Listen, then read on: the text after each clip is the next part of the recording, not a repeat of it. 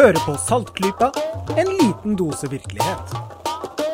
I dag er det den 4. april 2018, og vi er kommet til episode 163 av Saltklypa. Jeg heter Kristin, og jeg har med meg litt av en gjeng i dag. Det er Bendik, Jeg sitter her borte. og så sitter vel Lisha der borte. Ja, det stemmer det. Marit og Jørgen har ydmykt oppgitt sine plasser i redaksjonen i dag, til fordel for våre to eminente gjester, nemlig doktor Kaveh Rashidi og doktor Jonas Kinge Bergland. Velkommen. Takk. Takk skal du ha. Jeg har hørt på siste episode av, nei, nest siste episode av Dialogisk, så jeg kan si eh, navnet ditt eh, riktig, Jonas. Det er Ja, det var veldig imponerende. Første, og første forsøk og alt mulig, så du har gjort uh, researchen. Det er Jeg har gjort nøye research. Sånn gjør vi det her i Saltklubba. Ja, det er bra. Og Kaveh, velkommen tilbake. Veldig hyggelig å ha deg med igjen. Takk skal du ha. I episode 151 var det vel, så snakka vi med deg om et brev, et åpent brev du hadde sendt via sosiale medier til en alternativ behandler, Ja. ja, som eh, gjennom sitt virke hadde gjort livet surt for en av dine pasienter. Og den gikk jo skikkelig viral.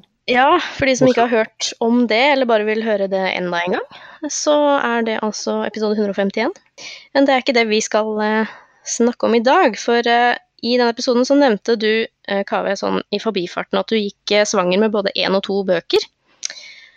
Og en av dem er ute nå. Eh, Ja. Den har du skrevet eh, sammen med din kollega Jonas her. Og du, Jonas, eh, er jo for de som måtte ha bodd eh, bak en stein. eh, Du driver jo stort sett med standup. Ja. Ja. Er I hvert fall veldig mye av det. Veldig mye av det. Ja. Jeg har hatt noen veldig suksessfulle soloshow eh, på Latter og litt sånn forskjellige scener. Eh, arbeidsfordelingen eh, lege versus standup, hvordan er den da?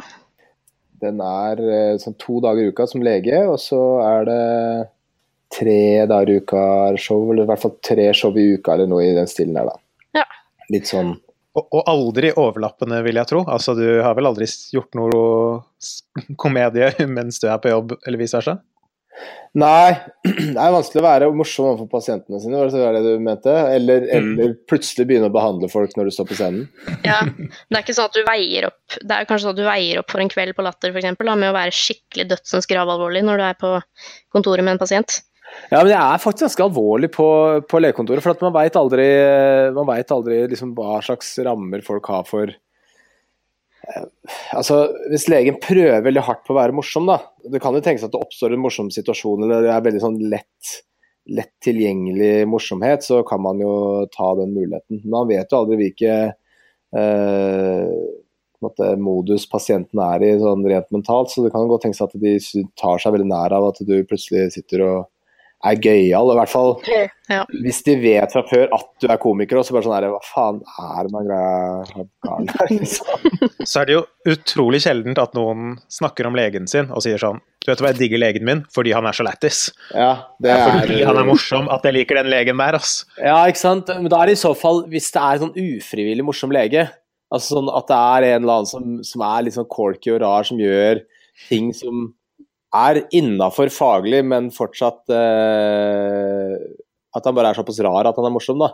Hvis han bare forteller skikkelig gøyale vitser og sånn, det syns jeg høres kleinere ut. Det som måtte være løsningen her da, for at du skulle kombinere disse to tingene, det måtte jo være hvis du sto på scenen og hadde sikkert et bra show og folk lo og sånn, og plutselig var det en som lo så mye at han rett og slett fikk et eller annet slags illebefinnende og segnet om, og da kunne du rope fra scenen 'ikke vær redd, jeg er lege'. Så styrte du ned i salen og redde vedkommende. Det Ja, hadde jo vært sant. eh, full klaff. Ja, ja, ja, men det, øh, ja, hvis jeg hadde, men det har faktisk skjedd. For det var en som jeg, øh, Det var en som fikk et epileptisk anfall på et av, en av forestillingene. Og, øhm, men det er på, heldigvis på de forestillingene så kommer det ofte veldig mye helsepersonell. Så, øh, så det var en som hadde bare plutselig signa om, og så var det sju leger fra nevrologisk avdeling sånt som hadde kasta seg over. Så det var Altså, alt gikk så sykt smertefritt eh, for seg med tanke på liksom, totalen av showet. Da. Jeg vet jo faktisk ikke hvordan det gikk med Ja, du rakk ikke frem, rett og slett. Det var så mange andre der at eh, Nei, jeg fikk ikke jeg, Ja, ja, altså det ble tatt hånd om før, eh, før det ble eh, Før jeg fikk vite at det hadde skjedd noe, liksom. Så det var jo veldig praktisk. Du rakk ikke å svinge kappen. Nei. Men eh, vi skal jo da snakke litt om boka deres i dag. Ja. For Mm. eh, i serien, den populære serien eh, Norsk eh, populærvitenskapelig litteratur om viktige organer med rimetittel, eh, så har vi nå sist kommet til den om rumpehullet. Det måtte jo komme, og da måtte det jo bli manus om anus. Ja. Eh, kom tittelen til dere liksom som en sånn lyn fra klar himmel? Kom den til dere ganske tidlig? Og hvem av dere var det som kom på det? Kave. Ja. Um, jeg syns det var morsomt å kødde med potensielle titler eh, til en neste bok, bare uten noen tanke om faktisk å skrive en neste bok. Ting sånn som status om meatus syns jeg var veldig morsomt. Meatus er da den ytterste delen av penisrøret til uh, mannfolk. Um, eller dikt om gikt, tenkte jeg også var en god idé. Men når manus om anus ble foreslått i en samtale med en venn av meg, så, så liksom stoppa det opp på meg. Da ble jeg sånn Nei, men vent litt. Det der er faktisk sykt morsomt. Mhm. Så da ble jeg nødt til å ringe Jonas, siden jeg ikke har noe som helst humoralibi, og spør om han har lyst til å være med og skrive det. Ja, så det var liksom sånn, eh, sånn samarbeidet kom i gang. Ja, han ringte meg, og så bare sånn kunne tenke deg å være med å, å skrive en bok om manus. Jeg bare jeg hørtes jo rimelig tåpelig ut, da. Så da vil jeg være med. ja. Det er bra. Ja. Nei, så det um, Og så var det veldig rart, for at eh, Kave ringte jo da til Eller han var i et møte med forlaget, for han hadde jo da en annen bok eh, han var i gang med. Og Mm. foreslo ideen, og så sa Kave til meg de syns de, de vil gjøre det. Jeg bare jøss, det hadde jeg aldri trodd. Og så sa de, hadde de også lagt til Og de syntes det var en veldig god idé. Vi bare hæ? Har vi Har du prata med riktige folk, eller? Ja, ja. Men, um, men hadde det, og de har jo syntes det har vært en veldig god idé hele veien. Vi har fått veldig fri tøyler. Så vi har fått skrive boka akkurat sånn vi ville ha den. da. Det er jo kult når eh, det er to forfattere som skriver én bok. og Hvordan, hvordan fordeler man arbeidet da, liksom? Det går mye frem og tilbake, da. Altså skriving her, sending dit, skriving tilbake. Um, og Jonas på alle illustrasjoner. Jeg forsøkte meg på å tegne en illustrasjon én gang, men det var helt horribelt. Så der har jeg bare meldt meg fullstendig av. Ja, For den som eh, ikke har plukka opp denne boka ennå, så kan vi jo love at eh, det- illustrasjonen er eh, helt rå. Så Jonas har klart det bra, altså. Ja, det er veldig er irriterende også, for eh, Jonas har en sånn tendens til å plutselig kunne et eller annet sykt bra. Bare Det var sånn som vi var på vei til en annen podkast her om dagen, og så sa jeg bare helt casually Jeg tenkte kanskje å begynne med orientering. Jonas selvfølgelig Å ja, det har jeg gjort masse, og det er kjempekult. Kan det drite Ja, ja, selvfølgelig kan du det også. Det skulle bare mangle. Det er nesten så jeg kjenner meg litt igjen. Eh, så nå er det jo det, det- Altså, det er jo en innmari Det er en morobok, ikke sant? Eh, og det er, det er mye humor i boka. Eh, og det er jo kanskje Altså, Jonas, du er jo komiker, men altså, er det liksom er det du, Jonas, som står for alle vitsene, holdt jeg på å si, og så tar Kave fagstoffet, eller er liksom, har han fått utfolde seg litt òg? Nei, altså, eh, det begynte med at Kaveh Kave bare begynte å skrive, og i et veldig tempo, så uh, kapitlene kom uh, til meg på mail i, uh, ganske sånn hyppig. Og så var jobben min å fylle ut der hvor jeg mente det var eh, altså, viktig sånn faglig, og legge inn alle digresjoner jeg kom på eh, hvor det kan være vitser og sånne ting, og eventuelt rette på de stedene hvor Kave allerede har skrevet eh, morsomme ting. Der, for han skriver en del humor, han òg. men det er bare noen deler hvor jeg må styre han litt. Sånn eh, Dette kan misforstås sånn, det sånn og sånn, liksom. Men uh, stort sett så var det veldig sånn uh, Vi retter litt på hverandre, men stort sett så var det ikke Var det, var det sånn uh, konkurranse om hvem som kunne finne på de groveste eller teiteste rumpehumlene? Jeg la jo merke til når jeg satt og leste, at dere klarte jo å komme helt til side to før det kom den første referansen om rimming. Uh, nei, altså vi prøvde jo liksom å ha det på uh, minst mulig av sånne type vitser, da. For at det, det, er, det er jo litt av det som eh, er eh, vanskelig med å forstå humoren med denne boka der. For at da vi, da vi lanserte den, så kom jo Klassekampen og det var på Twitter og sånne ting. bare sånn åh, hva, hva blir neste øh, et eller annet Legg om legg, eller? legg om legg, ja, ikke sant. Og så eh, At de bare sånn «Åh, Manus, manus. Bare sånn Ja, det er jo derfor vi skriver boka, fordi det er nå, idiotisk vits, liksom. Eh, sånn at det har vært det vanskeligste av alt i kommunikasjonen av denne boken. Å få folk til å forstå uh, hvor liksom humorlinja, eller hvor ironiske vi er. Selv om vi på baksiden av boka har en utrolig uh, humorfylt illustrasjon eller bilde av oss selv, da. Hvor vi liksom er i dress og stetoskop rundt halsen og bare helt useriøse. Fortsatt så tror jeg dessverre noen folk har litt gale forventninger til boka. At de tror at dette her er den neste vitenskapsboken eller noe i den det, duren. det, det kom veldig tydelig fram i det er en anmeldelse i Dagbladet av en eh, dame som har anmeldt boka, og vi skriver et sted at neste boka vi skal lage er 'Læren om blæren'. Og det er jo en åpenbar spøk, vi har jo ikke tenkt å gjøre det. Men, eh, men hun skriver helt i fullt alvor sånn De skal skrive en oppfølger som heter 'Læren om blæren'. Så jeg var sånn Med mindre du har laga enda et mer uforståelig lag med humor og kødda med oss igjen, så Eh, Så, så jeg skjønner at det kan misforstås, da. Men hvis du skal lage helt overtydelig humor, så er det jo ikke så gøy. Da blir det liksom eh, for plumpt, da. Og det er derfor vi også har unngått å, å ha så mye sånne eh, anusanalogier. Analogi. Er det, Mm. er, det ikke, er det ikke litt i humorens natur, du som er eksperten på dette, Jonas, at hvis det er sjukt bra, så må man nesten ekskludere noen folk fra å skjønne humor? Er det mulig å si? Ja, altså eh, Komme med en sammenligning, da. Eh, I musikken så vil jo eh, folk som er sånn veldig, veldig opptatt av musikk, vil kanskje ikke liksom, mene at DDE er er det råeste bandet i verden. Eh, fordi at de spiller eh, bredt og folkelig, og med enkle rytmer, på en måte. Man, men man må, bre, man må slå ned litt eh, bredt, da, sånn at man skal jo ha, man skal ha et publikum. Men ikke gå for liksom eh, det platteste.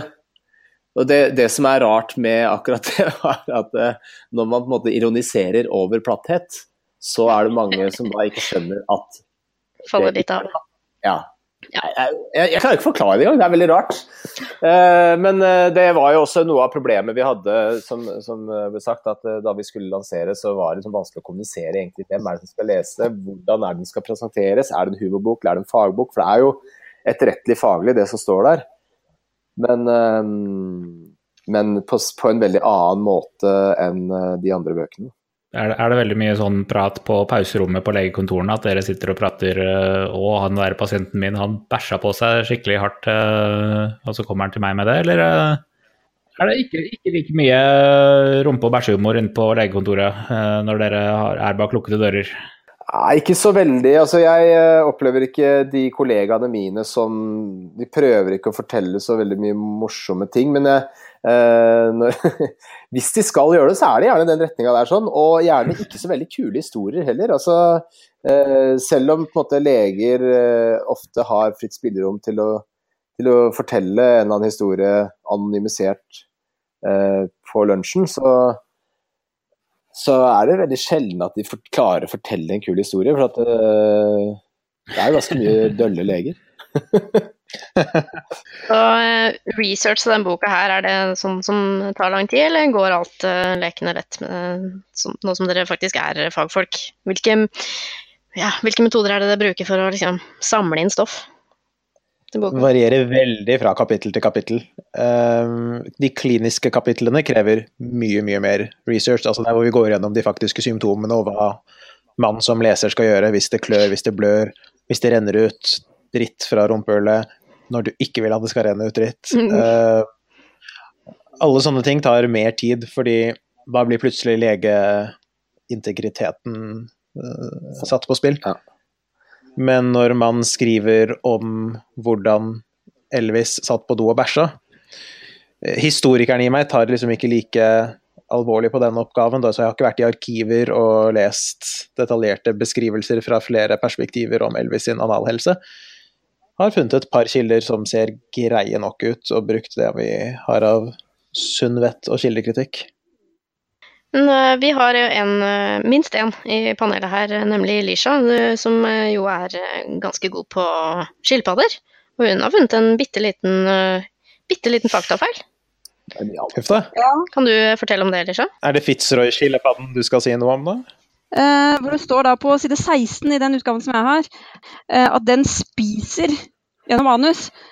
Eh, og der må jeg nok arrestere det litt, altså. Eh, skilpadder spiser gjennom munnen, men ferskvannsskilpadder de kan puste gjennom Anus har de ikke, men gjennom kloakkåpningen så kan de puste også egentlig litt feil, men de kan utvinne oksygen gjennom slimhinner som de har i kloakkåpningen. Dette er jo, Nå må jeg bare, eh, med fare for å virke usympatisk her, eh, høre med Wakave. Hvor er det du har funnet denne informasjonen? Nei, jeg var en tur nede i Australia, ved Queensland, og studerte Fitzroy-skilpaddene i en åtte til ni år. Det er derfor budsjettet var så jævlig kraftig på den måten her. Jeg endte til sammen på en 8000-9000 skilpadder hvis hele livssykluser jeg fulgte, og eh, jeg kan ikke skjønne hvor jeg kan ha gjort feil i metodikken her i å komme frem til deres spising gjennom anus. Nei, jeg husker ikke på stående fot hvor jeg har den påstanden fra.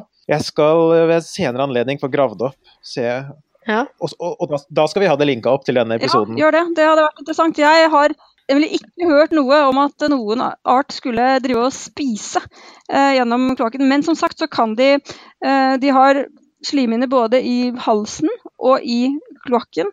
Hvor de kan utvinne oksygen, ikke så store mengder, men nok til at de kan være under vann og ikke trenger å komme opp for å puste, for de puster med lunger, de har ikke gjeller. Eh, og det som er med Fitzroy-skilpadden, er at jeg tror den har en slags rekord i å kunne være lengst under vann uten om å gå opp og hente oksygen fra lufta. Og det rekorden tror jeg er snakk om noe sånt som tre uker. Det er lenge. Hva, eh, men eh, kan jeg bare spørre hvorfor du kan så mye om skilpadder? Jeg har skilpadder. Ferskvannsskilpadder. Du har flere? Tre. Røreterapi? Ikke Jeg har én røreterapien og to kinesiske elveskilpadder, eller trekjølsskilpadder. Ja, ok. Eh, og jeg har jo observert at de har sovnet under vann, og ligger og sover i timevis under vann. Ja. eh, og kommer opp igjen like levende. Eh, mens for meg så ville det vært eh, sannsynligvis nemlig skadelig å gjøre det samme. Kjempeskadelig. Ikke gjør det. Ja, nei, jeg har ikke tenkt å prøve på det. Eh, men skilpadder har altså ikke noe problem med det, og det er fordi de drar vann inn i rumpa og får oksygen utvunnet av det vannet. Som de da, siden dere, dere skriver mye om det, at det som skal inn i blodet, da, det kan Ja. godt komme gjennom rumpa. Og oksygenet skal jo inn i blodet. Det er Eh. akkurat det det skal. Så da er sikkert det kjempesmart opplegg. For de Ja. som kan det. Da er det sikkert bare Jeg tipper det er eh, korrekturleseren jeg, som har gjort en feil og skrevet 'spise istedenfor puste'. Så eh, vi må skylde på forlaget. Nei da, men vi fikk faktisk sendt ut en spesiell versjon til deg hvor vi hadde platta den feilen. Ja. Testa du hadde tre skilpaddekunnskapen din. Nei, jeg, eh, jeg ser på side 16 i min egen bok at det står 'spise', så Ja. Mm. Nei, men det er grunnlag for andreutgaven, da, vet du. Ja, det blir bra. Ja, ja. Vi gir ut en bok en gang til, bare med akkurat én setning uh, endra. Det er bare den, altså, hele boka. Vi har gått såpass grundig til verks at det, det Men du aner ikke hvor vondt det gjør å høre det. Nei, det er det vi driver med her i Saltklypa. Ja. Men hvis det var det verste dere fant, så, så skal jeg si meg ganske fornøyd. Ikke sant? Vi ble jo gjenstand for, eh, for en artikkel i Sykepleien, den der tidsskriftet til eh, sykepleierstudentene. Ja. Eh, Hvor de gikk ganske grundig til verks i å stille spørsmål da, ved vår påstand om at den butte enden av en stikkpille skal inn først. Ja, for det for at det var liksom forskjellige ja, Det er forskjellige skoler, rett og slett. Altså, nå vil jo, nå vil jo uansett dette går bra. Altså, du får, får nok inn en stikkpille. Det er ikke sånn at det er en risiko eh, ved å gjøre det da på den ene eller andre måten. Men eh, man kan jo teste litt forskjellig da, hva man synes er best. Jeg, jeg foreslår ha 20-30 stikkpiller hjemme av, eh, av eh, et, ikke, uten virkestoff. Og så bare stappe inn og se. Liksom, kjører du 10-15 med ene sida først, og så 10-15 andre. Skriver ned resultatene. Ja. Yes, det høres veldig bra ut. Snakker om eh, litt sånne rare folk, nerder som er interessert i eh, skeptiske innfallsvinkler og sånn på ting. Eh, det er jo en underholdende bok, og den lærer oss jo også ganske mye om eh, historie og fag. Men også er det flere steder som har noen eh, sånne klare stikk til alternativ behandling. Og det er puttet inn en del eh, ja, metode og logikk som eh, som i tillegg til å være vitenskapelig, er også veldig sånn, sånn som vi er interessert i her.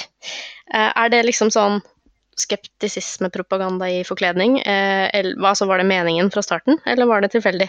Jeg tror nok eh, det kom litt sånn naturlig. For, eh, altså Kave og jeg er jo opptatt av eh, eh, Hva skal jeg si Rettmessig kritikk da, av eh, sjarlataner i helseverden. Så det, de er lette å henge ut, på en måte. Det er, det er gøyalt å gjøre det på en sånn eh, sleivete måte uten uten at det i utgangspunktet virker naturlig å gjøre det. Det er, det er morsomt å liksom snakke om én ting, og så plutselig fyrer du av salve mot noen som bare står i nærheten, på et vis. Ja. Så det, øh, det er sånn umotivert øh, kritikk, da. Jeg syns det er veldig gøyalt øh, grep, fordi at øh, det rammer litt sånn overraskende. Ja, det er jo et sted i, tidlig i boka hvor du f.eks. bruker eksempler med når man blåste tobakksrøyk opp i rumpa på drukningsofre, og Ja. så plutselig så ender dere opp med å snakke om hvor teit homopati er, f.eks. Ja. Det syns jeg er kjempegøy. ja. Men det er, veldig, det er en relevant sammenligning, da, for at homopati Mm. er beviselig eh, uvirksomt. eh, men har en form for placeboeffekt, noe all alternativ medisin har.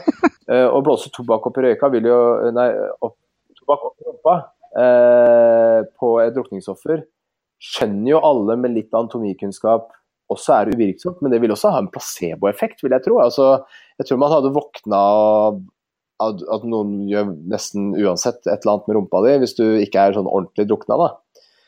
Eh, sånn at det, det er mulig å observere en placeboeffekt der òg, men det er fortsatt like latterlig mekanisme. Altså, det er en ulogisk og ikke påvisbar eh, mekanisme for eh, resultatet du mener at det har. Mm. Helt enig. Hvis ikke du blåser røyk opp i rumpa til en Fitzroy-skilpadde, for den kan faktisk utvinne oksygen fra rumpehulen. Kan den det, ja? Det har du Ja, hørt etter? Det burde du kanskje informere litt om det. Liksom. Ja. Skal har forsket på dette i lang tid. Nei, men eh, også det med homopati er jo helt insane. Altså det enorme antallet mennesker som tror på det, som bruker det, som bruker pengene sine på det. Det er jo en mm, kjempestor industri i Norge, så det er bare helt vanvittig at det Ja, finnes. altså, til å være så vanvittig, så er det veldig slitsomt å skulle på en eller annen merkelig måte drive og tilbakevise det sånn hele tida. Bruke Det energi på det. jo, eh, men det kan liksom virke sånn tilsynelatende um, umotivert da, å bare slenge inn en uh, kommentar om uh, homopati der, eller vaksiner et annet sted, liksom. Så det er, men det er, det er på sin plass, det er en logisk sammenheng med at det er nevnt. Det er ikke sånn at vi kan si sånn Ja, OK, uh, Fitzroy-skilpadda kan kanskje ikke spise gjennom eh, mellom, nei, gjennom rumpa, da, men, men Bendik er dust, så det har ikke noe å si. Mm. Det hadde vært en veldig meningsløs ting å si, og ville heller ikke da vært morsomt, for at den har, henger ikke på greip. Uh, så det kan liksom se litt sånn ut, men det henger på greip, da. altså, jeg mener ikke at Bendik er dust, altså. Jeg veit jo ikke om Bendik er dust eller ikke. Jeg, har ikke, jeg har ikke Du hadde veldig lyst til du hadde veldig lyst til å ha en sjanse til å si det, på en måte. Ja. Jeg kan si at det er en, det er en eh, større sjanse enn null for at du har rett. Ja, men eh, det er jo altså Det er en veldig eh, altså, Bortsett fra å være skikkelig dødsmorsom bok, så er det som sagt eh, fagformidlende, og jeg regner med at dere har jo Altså, dere har jo erfaring med formidling i forskjellige fora, både som i, altså, i forskjellige medier og som komikere. Altså, det, jeg regner med at det har dere dratt ganske mye nytte av, da, når dere har jobba med boka. ja, jeg håper jo det. Som det kom ganske naturlig, i hvert fall. Mm. Med språk og sånne ting.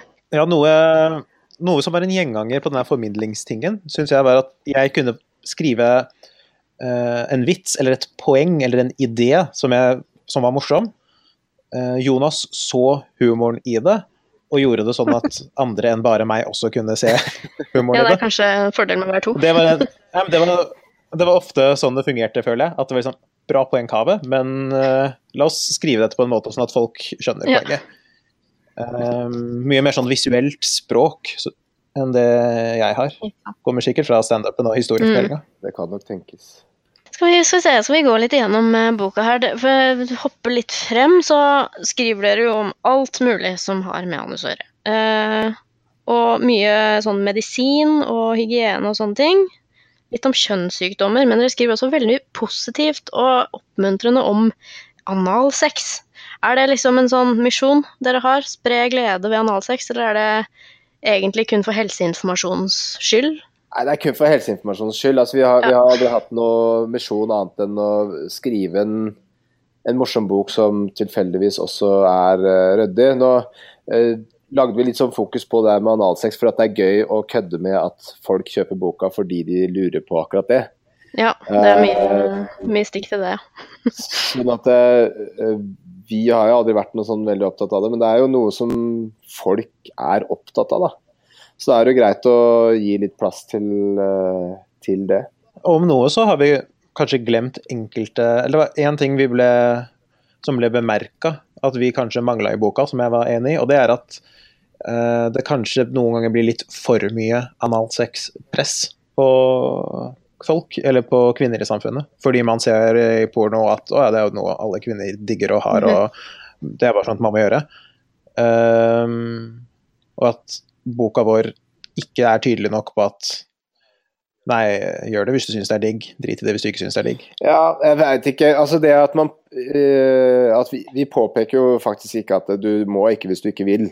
Uh, men det er i og for seg unødvendig, da. Det er på en måte Du skal ikke ha sex heller hvis du ikke vil. Så det er veldig sånn opplest og vedtatt uh, sannhet, det.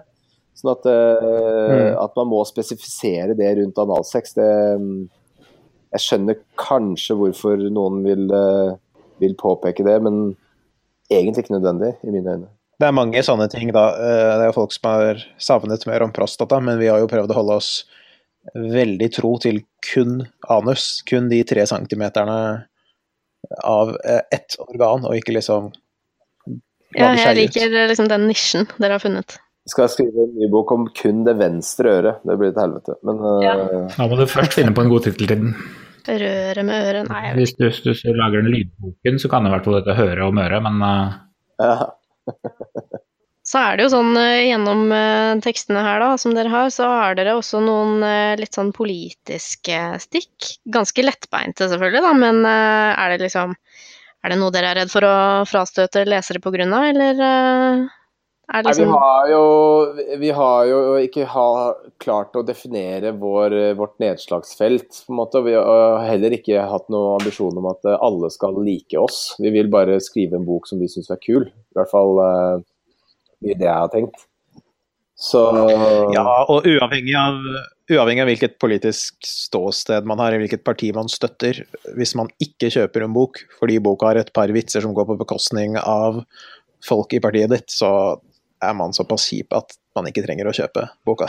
ja, så Altså Man må tåle å høre noe sånt. Ja, altså vi, vi, kan, vi må tåle å på en måte være litt tydelige på øh, å lage en analogi, f.eks. den Norge og Frp og muslimer og terrorister-analogien der, da. Den er jo ganske sånn Kan fremstå som Frp-kritisk, ettersom det står til slutt 'ikke den Frp'. Ja. Så Men øh, ja, hvis du begynner å grine av det, liksom, så da er du, da er du for skjør til å drive og kjøpe bøker. har dere et, eh, et håp, rett og slett? eh, Fordi især i, i, i miljøer hos menn, maskuline miljøer, så er jo liksom alt som handler om rumpe og anus, det er jo, det er jo kjempetabu, egentlig. Man, eh, man prater jo ikke om sånt. så Jeg kan eh, fint se for meg at veldig mange vegrer seg veldig for å gå til legen og si at man har vondt i rumpa eller man blør eh, fra anus eller noe sånt noe som det. Var det et, et mål å, å bare gjøre det litt mer allment og i det hele tatt anerkjenne at dette organet eksisterer? Altså, det var nok ikke et mål i utgangspunktet, fordi hvis man tenker seg Nå hadde vi ikke noen sånn liste med mål for boka før vi starta med boka, men hvis vi hadde hatt det, så hadde det vært ett punkt der, og det er å lage en sykt bra bok. Uh, og så blir det liksom en bivirkning av at boka eksisterer, at sånne tabuer blir litt borte. Jeg har sjøl, siden den boka kom ut, øh, hatt pasienter som har starta konsultasjonen med sånn Ja, men siden du har skrevet den boka, da, så tenkte jeg å ta opp uh... Så bra. I stedet for å ta liksom med det der dørhåndtaket på vei ut, som dere snakker om. Jeg hadde, jeg hadde faktisk akkurat samme opplevelsen, bare at pasienten ikke visste at det var jeg som hadde skrevet boka. Han sa, at det var sånn Jeg hørte på radio i går at det er sånn typisk at det er siste problem man tar tak i, så jeg får bare gjøre det, gjøre det med en gang, da. så bra. Det, Sa du da fra at det var du som hadde skrevet boka? Nei, jeg gadd faktisk ikke gjøre det, for at, uh, jeg ville ikke Han var brydd nok fra før, så Ja. um, Ja, kanskje like greit. Mm. Ja, men så bra. Så vi kan jo fastslå at uh, jeg holdt på å si nesten til tross for eh, all, all den fine infoen man får i denne boka, så var målet først og fremst å lage en morsom og bra bok. Ja. Sånn. Eh, det, det som er litt sånn greia med det, at, eh, som dere er inne på, da, det å, det å eh, få Altså, en konsekvens kan være at noen eh, er litt mer åpne med å få undersøkt seg. Så er det jo nettopp det å få fokus vekk fra at det er en greie som har med homofili å gjøre, eller altså sånn derre eh, Bare snakke om ting så mye at eh, det mister litt den derre fniseauraen rundt det, da. Um, for det er jo nettopp det, ikke sant. Sånn er det menn som er sånn herre Ja, altså uh, at, at menn syns det er sånn fnisete med rumpa, er jo litt sånn rart, egentlig.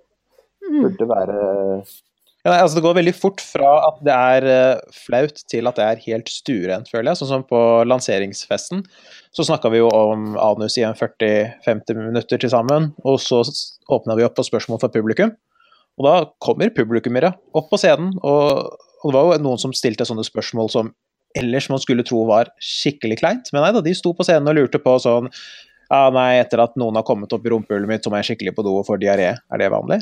Um, må jeg vaske meg på tissen etter å ha vært på, Hattadalsex? Uh, sånne slags ting. Uh, så det skal liksom bare litt prat til, og så virker det som om folk legger ned Og litt øl, kanskje, da. Muligens. sin. Det også. Ja, jeg var der nå, så jeg kan, jeg kan, jeg kan, eh, jeg kan vitne om det. At det var eh, veldig mange svært eh, ja, gode spørsmål og inngående spørsmål. Det må jeg bare si.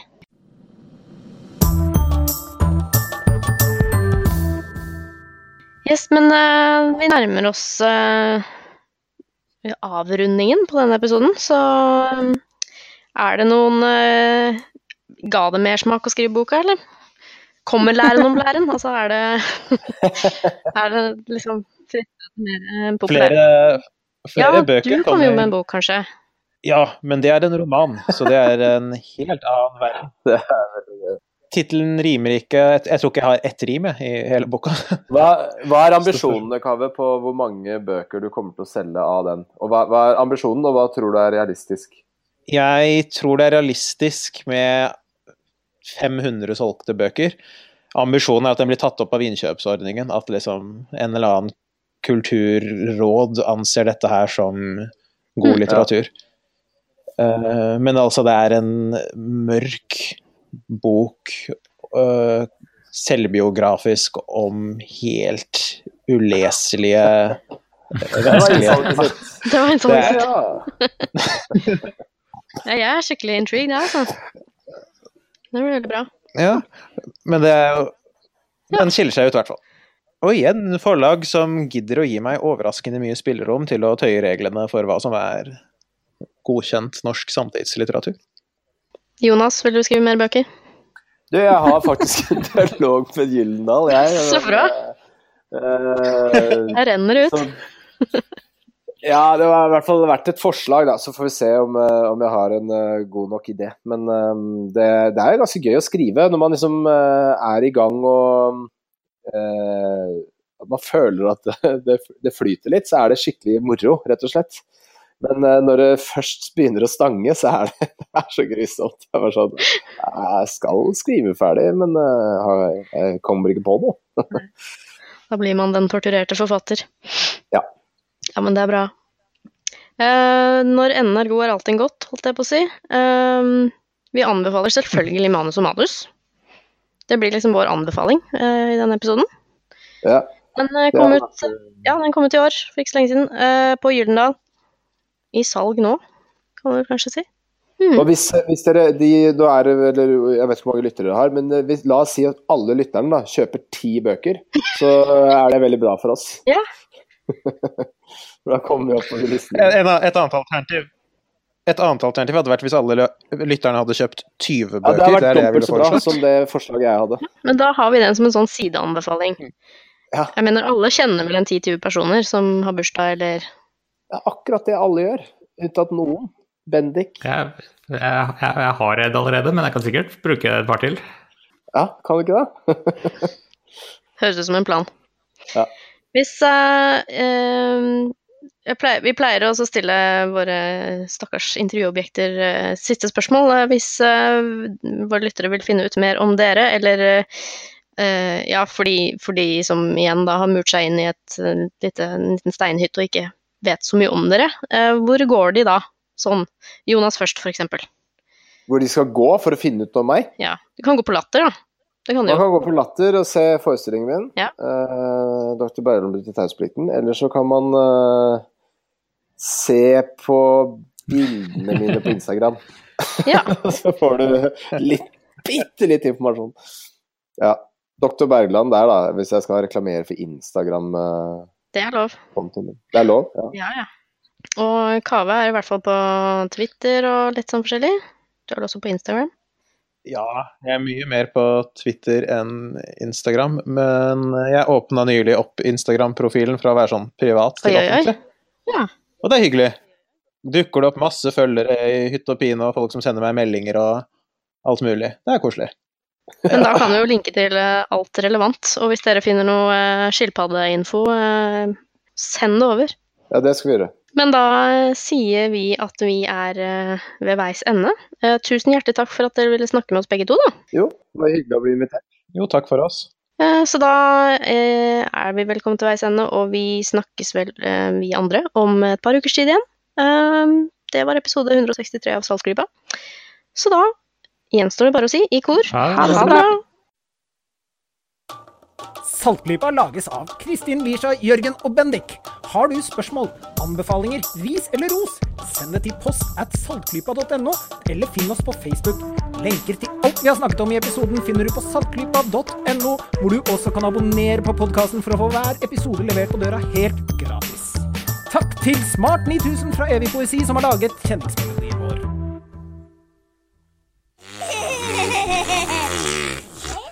Ha